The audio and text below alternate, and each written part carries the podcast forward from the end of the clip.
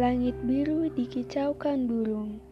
Aku tersenyum, kemudian termenung. Hampa menjadi suatu ancaman yang tak akan hilang sewaktu-waktu. Bisakah aku berharap aku yang telah berjuang untuk bertahan mencapai titik di mana kesehatan adalah prioritas?